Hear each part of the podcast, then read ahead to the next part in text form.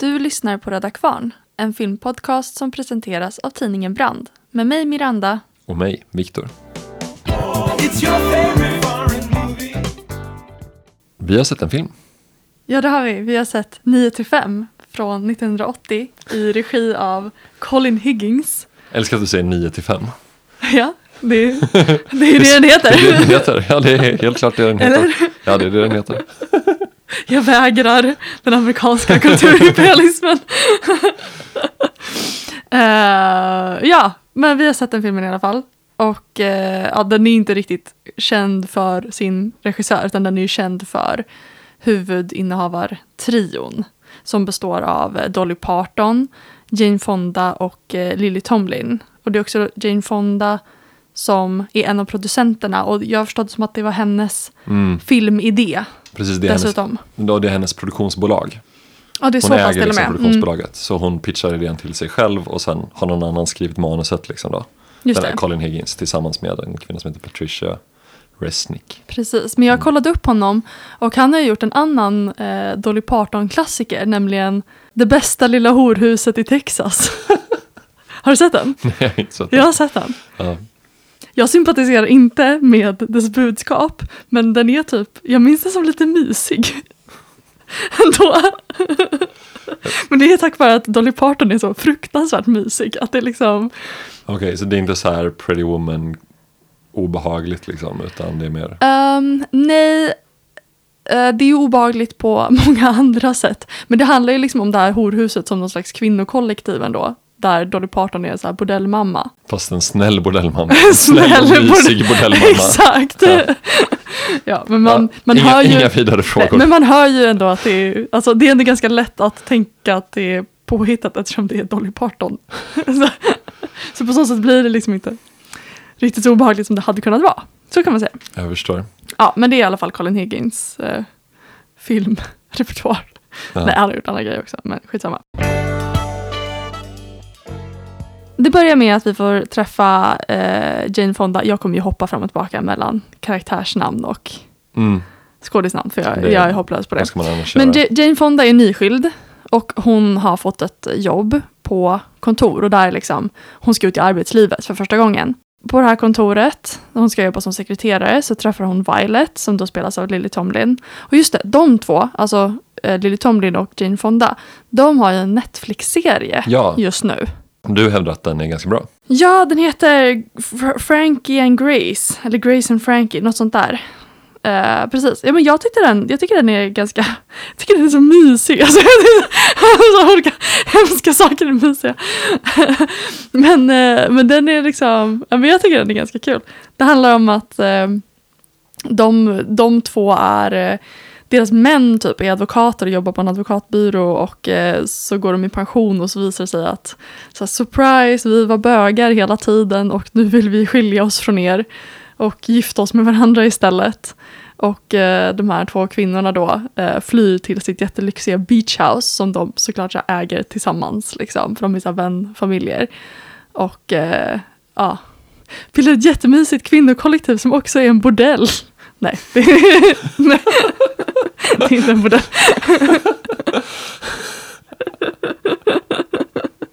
ja men den är lite, lite kul i alla fall. De är ju så jävla gamla. Det här är ju en ny serie. Ja, ja Jane Fonda är ju född på 30-talet. Liksom. Ja, och alltså Lily Collins, hon är ju säkert samma Tomlins.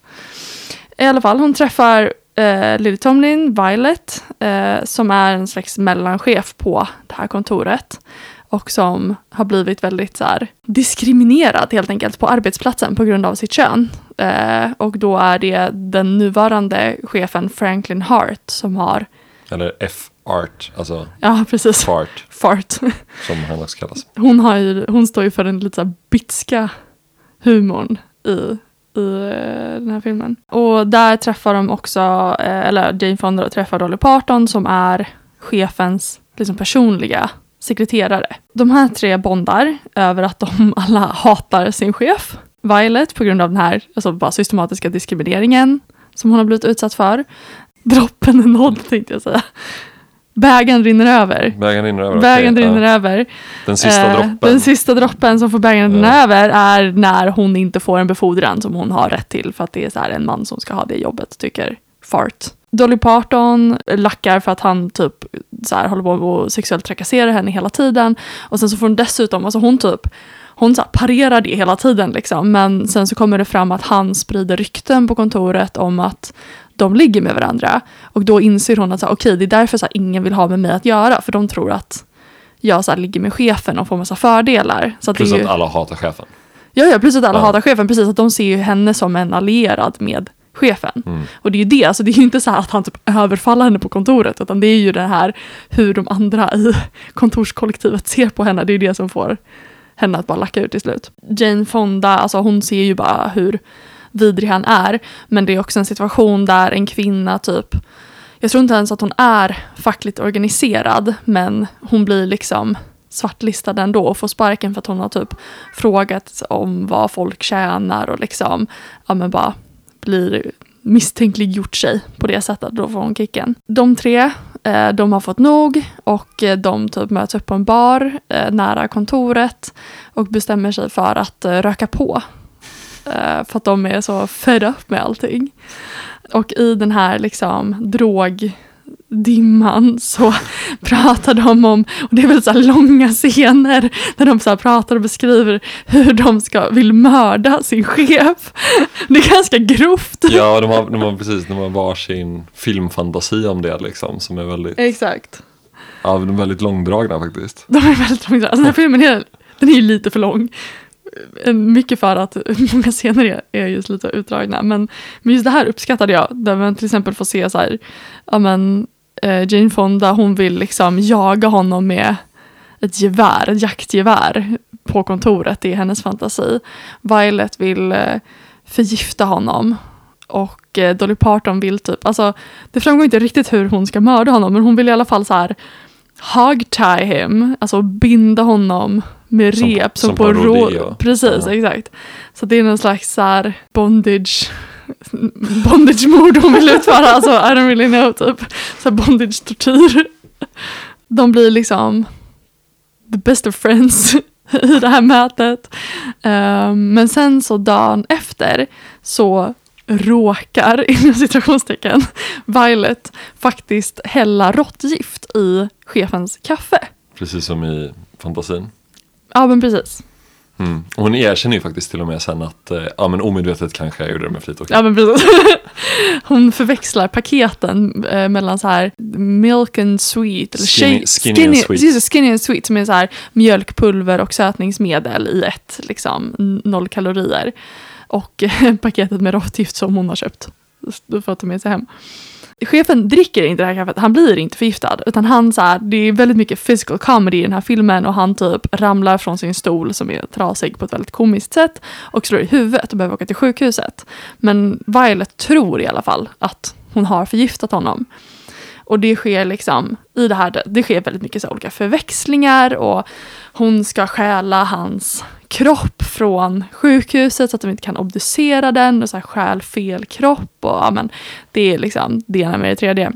Det spårar över väldigt, Det, det, det ballar liksom. Mm. Ja, om, man inte, om man inte tyckte att det ballade ur när de så fantiserar om hur de ska långsamt mörda chefen så ballar det verkligen ur efteråt. Ehm, men de går till jobbet dagen efter och bara vi måste fokusera, vi får inte panika nu. Och då kommer ju han till jobbet eh, som vanligt och då fattar de ju att de har inte faktiskt mördat honom. Men det, det, det sker olika förväxlingar och det, han, han får i alla fall veta att de har typ pratat om att mörda honom och då så här, försökt mörda honom, tolkar han det som. Och det slutar med att de eh, typ kidnappar honom får man väl säga och låser in honom i hans eget hem. Där de har liksom värsta liksom eh, låskedjekonstruktionen där han, de kan trycka på en knapp och så hissas han upp i taket. Men han liksom, ja de ska hålla honom inlåst där. Eh, I väntan på att få fram bevis eh, för att han har förskingrat pengar från företaget.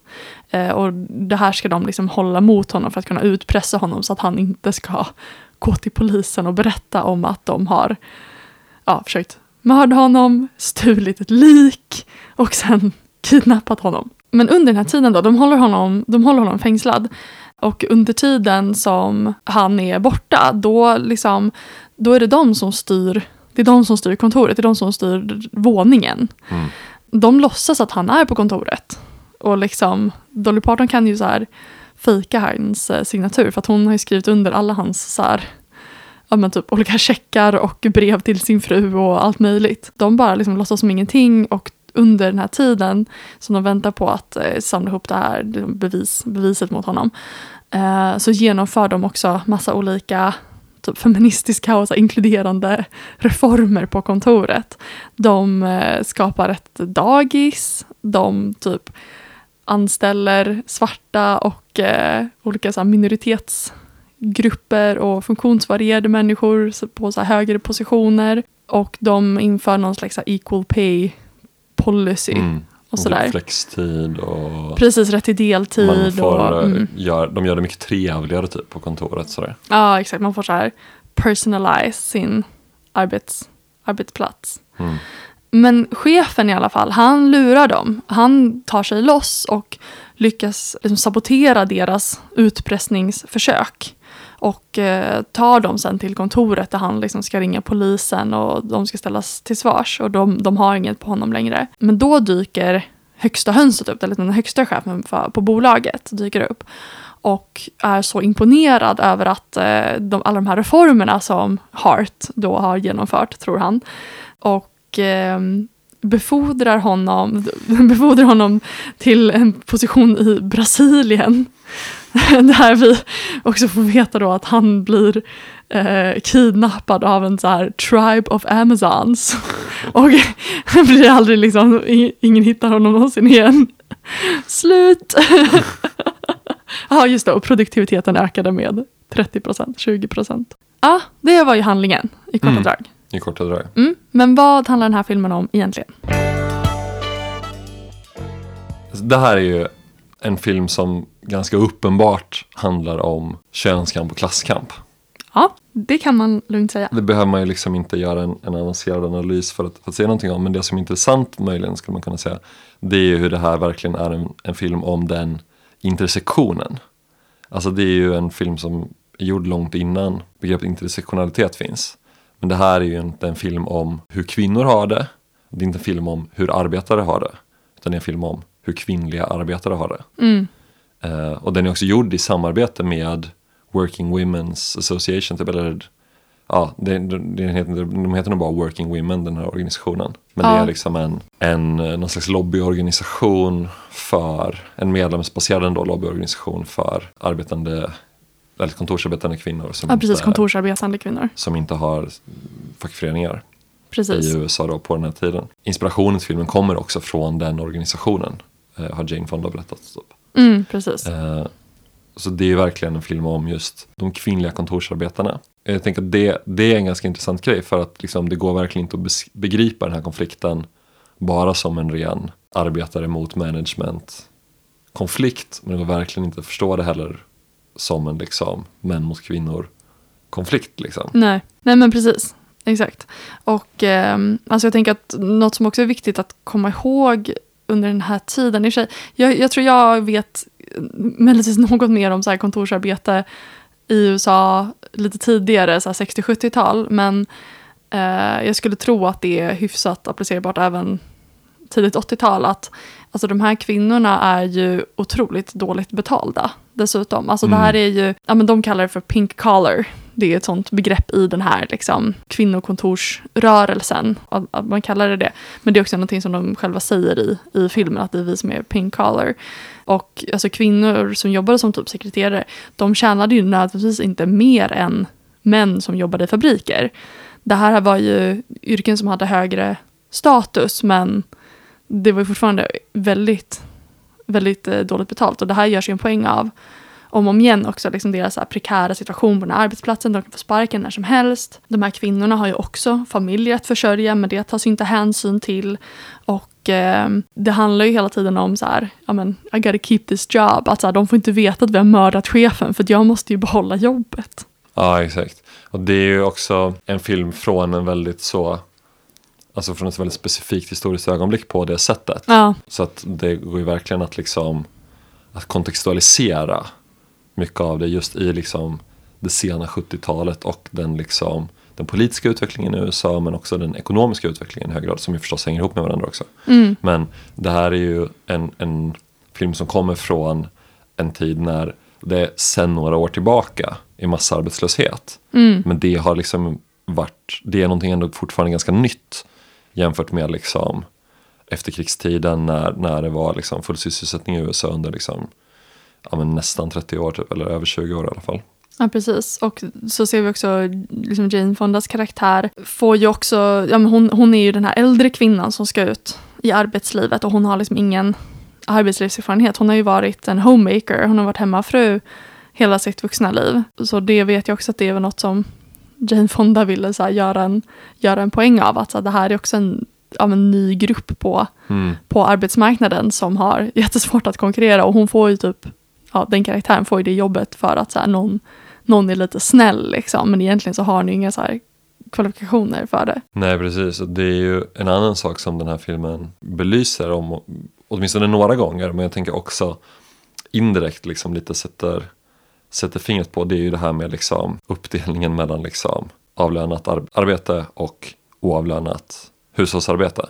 Mm, En brytningstid liksom mellan en period när det blir någon slags norm i ganska breda befolkningsgrupper att man ska ha liksom en lön som familjen lever på. mm, Vilket ju inte var så normalt i arbetarklassen tidigare men liksom under efterkrigstiden i USA. Ja men precis, eh, det, finns en, det finns en kort, en kort historisk period där eh, precis, hushåll kan eh, leva på en inkomst. Ja precis, utanför liksom de övre skikten av, av samhället. Så. Ja, Det som händer under den här perioden sen, liksom under 70-80-talet, det är ju att dels liksom så är det början på någon slags proletarisering även av, av vissa delar av mellanskikten. Ja, för kvinnornas del då.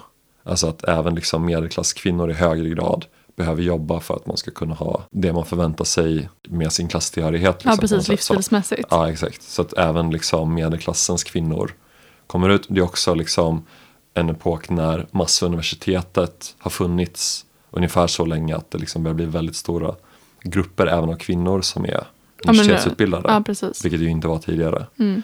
Eh, Så det är väldigt många medelklasskvinnor som kommer ut på arbetsmarknaden med utbildning liksom och, och, och gör sån jobb. Det är också en period där, där det blir mer normalt med, det, man kommer ut på arbetsmarknaden från att ha tidigare liksom varit gift så för att det som händer nu är att så här, skilsmässorna ökar. Ja. Och det är också någonting som börjar egentligen på 70-talet Mm. i väldigt hög grad i USA, vilket ju förstås också har sina ekonomiska förklaringar delvis, men det har ju väldigt mycket också att göra med, med kvinnorörelsens stora genombrott liksom Mm. under 60 och 70-talet. Mm. Och massa olika rättigheter för kvinnor som, som gör framsteg, men som också skapar de här liksom nya situationerna eh, där kvinnor måste liksom slåss för nya rättigheter i nya sfärer då på arbetsmarknaden. Ja, precis.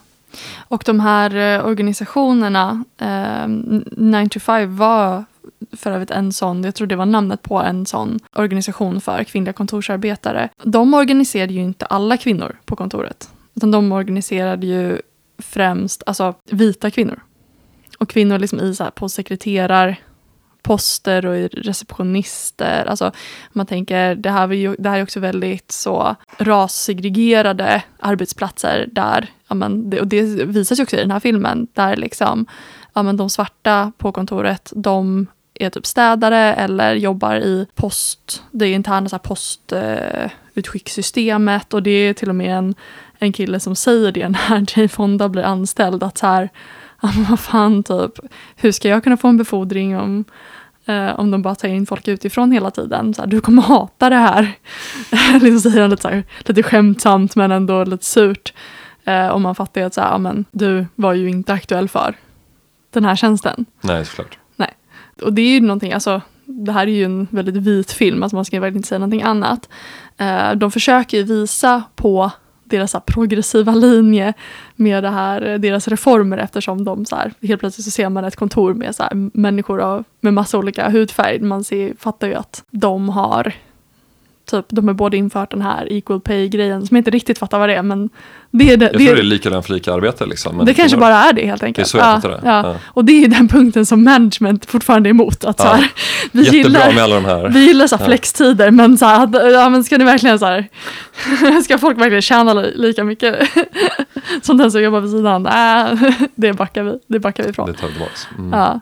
ja, men i alla fall, jag skulle bara säga det att så här, då är det en poäng man gör i alla fall. Att människor med olika hudfärg Mm. jobbar på det här kontoret. Jag kommer ifrån det ämnet lite nu då, men, men den här grejen chefen gör där att så här, ja, men det är svinbra det här med flextiden och med att man får ha det så här personligt och trivsamt och allt det där liksom. Det ska vi ha, ta bort eh, eh, lika, likalönsprogrammet liksom, Ja. men behålla allt andra. Det är Ja. verkligen så här ett förebådande liksom. Ja, det är en film från 1980 som verkligen är så här, det här är exakt vad kapitalismen kommer göra de närmaste 20-30 åren. liksom. Exakt, exakt. Minus eh, daycare Ja, exakt. Fast på arbetsplatsen.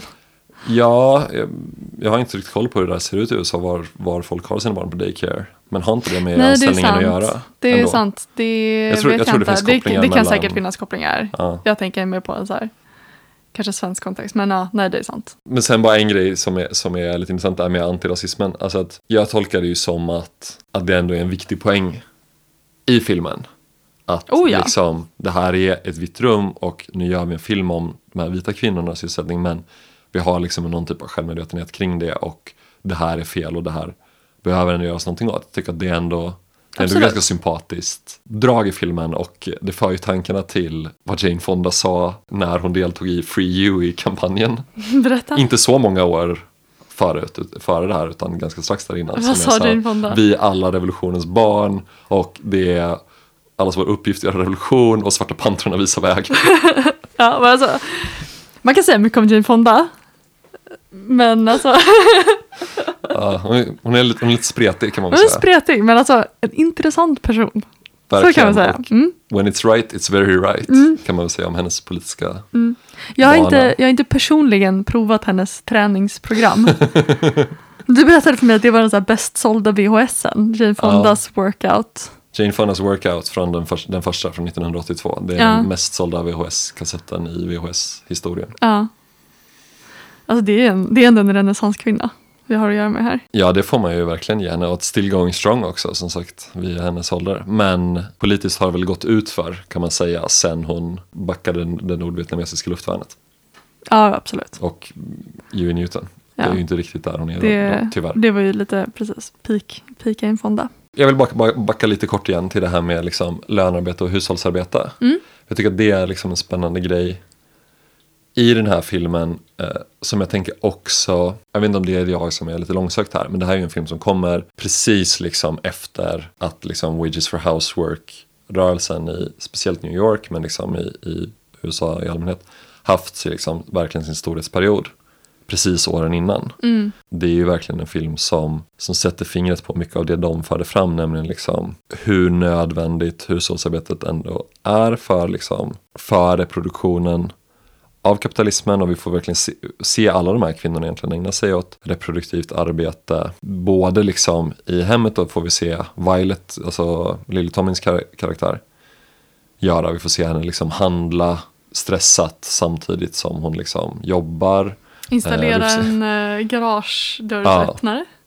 Garagedörrsöppnare och liksom, och liksom sådana där saker. Jane Fondas karaktär, hon är ju nyskild nu då liksom, så att där är det mer något som finns i bakgrunden. Man vet att hon har gjort det under alla de här åren. Så liksom.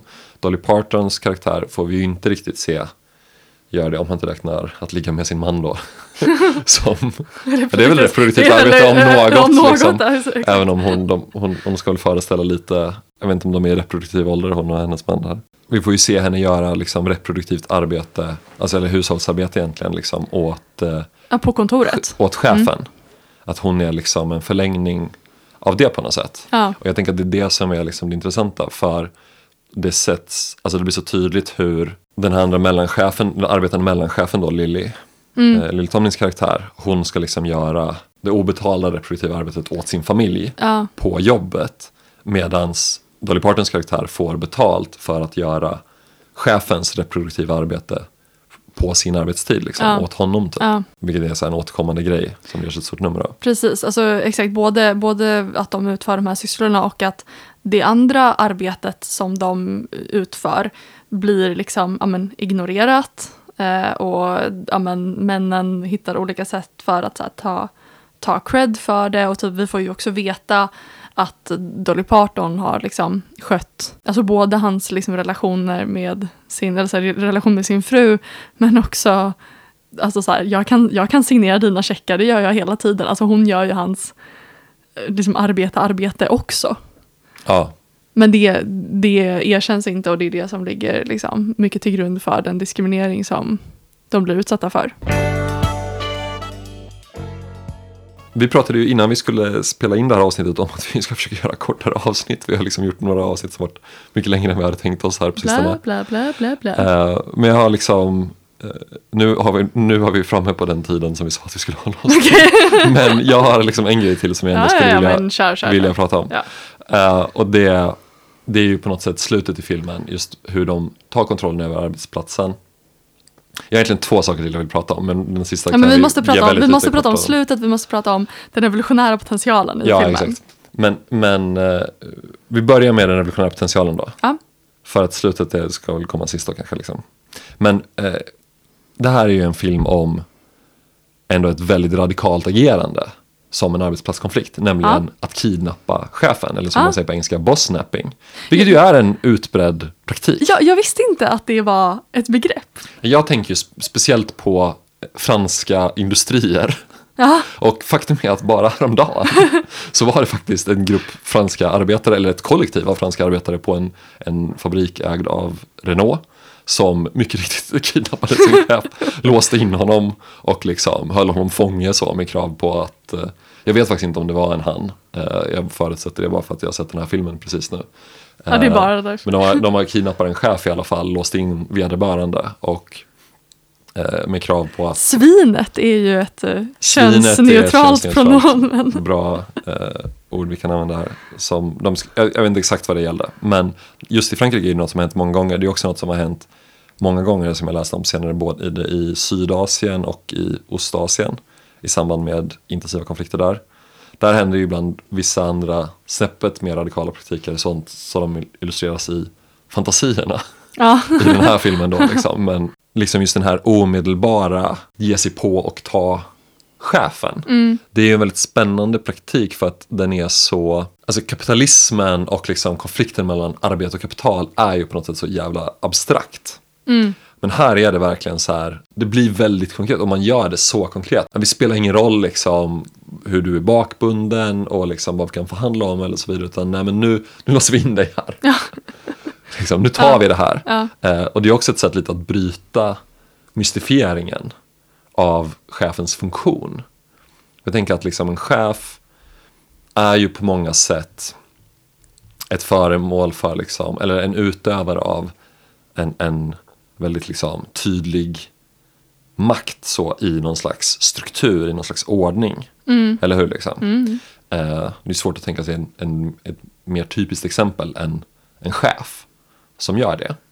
Det är ju samtidigt så att det är kanske inte alltid så mycket chefen som har makten och det är någonting som chefer själva älskar att påpeka.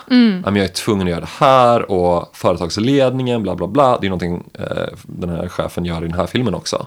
När han ska förklara varför hon inte får befordran. Nej men du förstår företagsledningen. Bla, bla, Ja bla, bla, bla. exakt. Ja. Aktiemarknaden bla bla bla bla bla. Alltså Precis, man- ingen ska ju ha ansvar för någonting. Precis, utan det ham- ansvaret hamnar liksom på den här abstrakta nivån. Alltså det här är liksom det här är inte en relation mellan oss människor utan det är liksom en relation mellan varan arbetskraft och liksom marknaden eller liksom kapitalet i någon slags abstrakt form. Det som Marx kallar varufetischism helt enkelt. Men egentligen är det ju en, en väldigt Det konkret ja, men relation, precis, mellan, exakt. social relation mellan människor Ja, som hör ihop med varandra liksom. ja. Och eh, Där uppstår den komiska effekten. Att fantisera om att mörda och sen senare kidnappa sin chef. Ja men det är verkligen så. Man måste inte skilja på vad man själv läser in i en film och vad filmen så här, typ filmens skapare vill säga och sådär. Men jag tror att en poäng de ville göra här är, alltså den är ju mycket mindre så här revolutionär såklart än liksom, ja alltså det här är ju ändå så här stor, stor eh, blockbuster Hollywood-film liksom. Så. Ronald Reagan tyckte den var rolig, skrev han i sin dagbok. Även om han inte gillade Mariana-romantiseringen. Precis, men jag tror att han bara skrev så för att han var, såg den med sin fru. Nancy Just Say No Reagan. På alla hjärtans dag På också. alla hjärtans dag. Ja. Eh, men tjejerna, de är så tokiga. Du tror Reagan egentligen inte var så Mariana-kritisk som... Jo men det var han säkert men liksom, alltså han säger typ också, han bara, de hade ju bara kunnat bli skitpackade istället. Varför var de tvungna att bli stenade? Alltså, det var ju hans hållning liksom. Ja, såklart. Så att, ja. Eh, nej men att de vill visa helt enkelt att så här, alltså typ att eh, både vilket viktigt jobb som alla dessa kvinnliga kontorsarbetare gör och som de inte får cred för. eh, men också typ att så här, ett kontor kan fungera alldeles utmärkt utan en chef. Jag tror det var så här ett, ett väldigt centralt budskap som de ville, ville förmedla i, i den här filmen. Bara liksom att så här, alltså den, den funktionen är den funktionen är överflödig. Vi, vi kan liksom både så här, vi är typ tre så här, skärpta kvinnor som kan organisera arbetet här istället för den här mannen. Men också bara vi som så här, arbetarkollektiv kan organisera vårt arbete själva. Mm. Det vore spännande att veta om de här reformerna de genomför under den här tiden. Mm. Apropå det här samarbetet med, med den här organisationen Working Women. Man undrar liksom vilka som var deras huvudkrav och om det finns...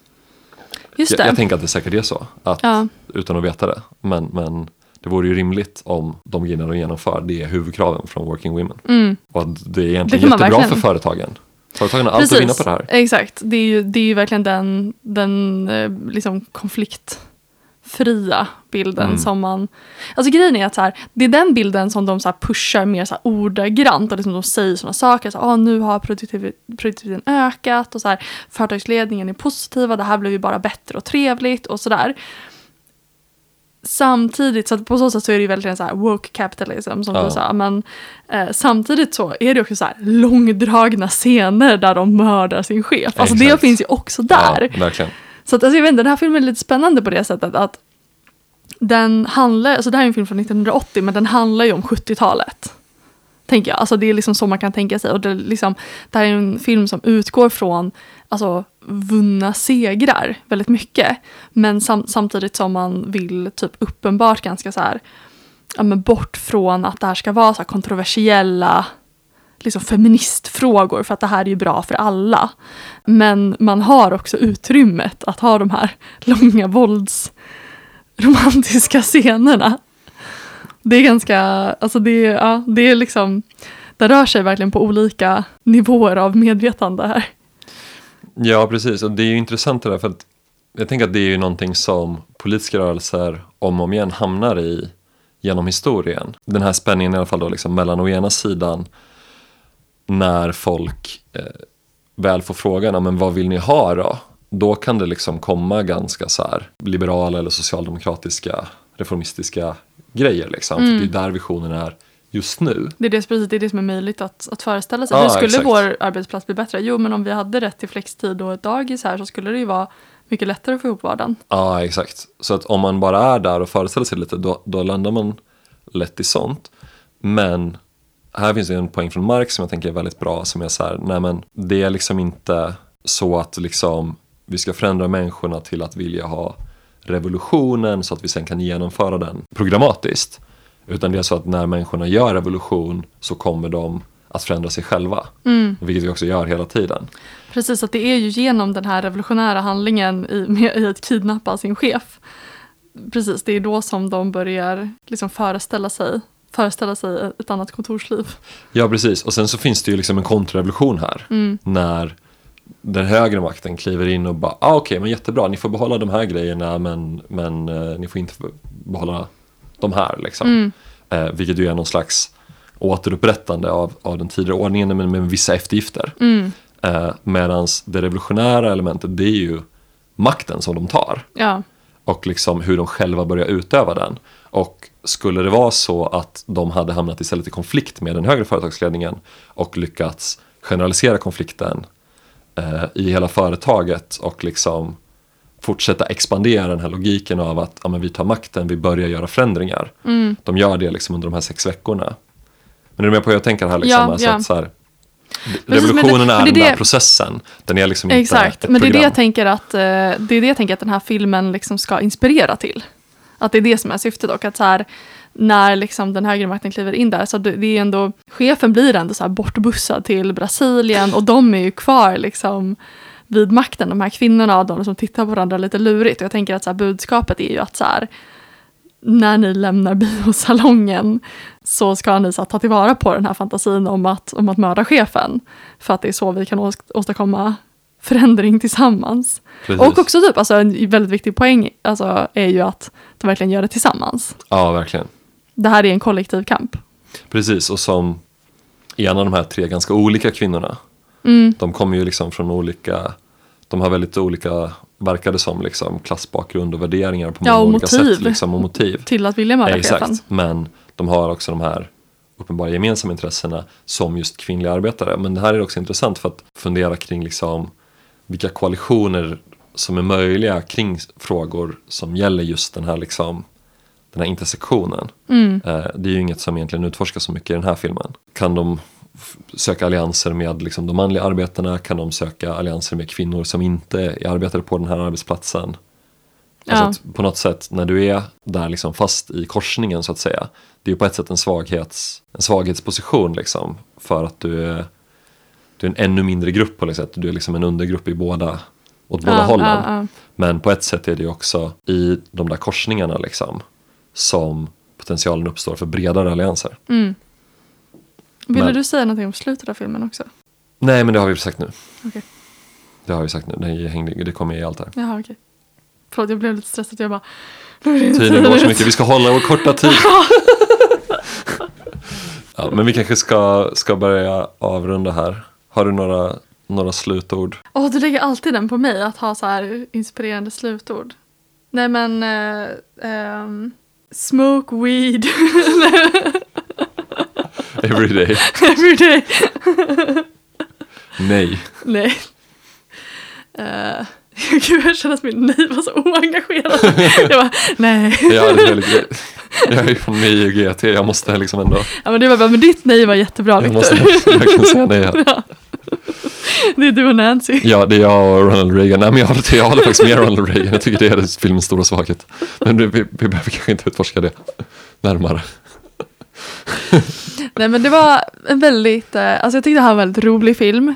Och eh, rolig och inspirerande.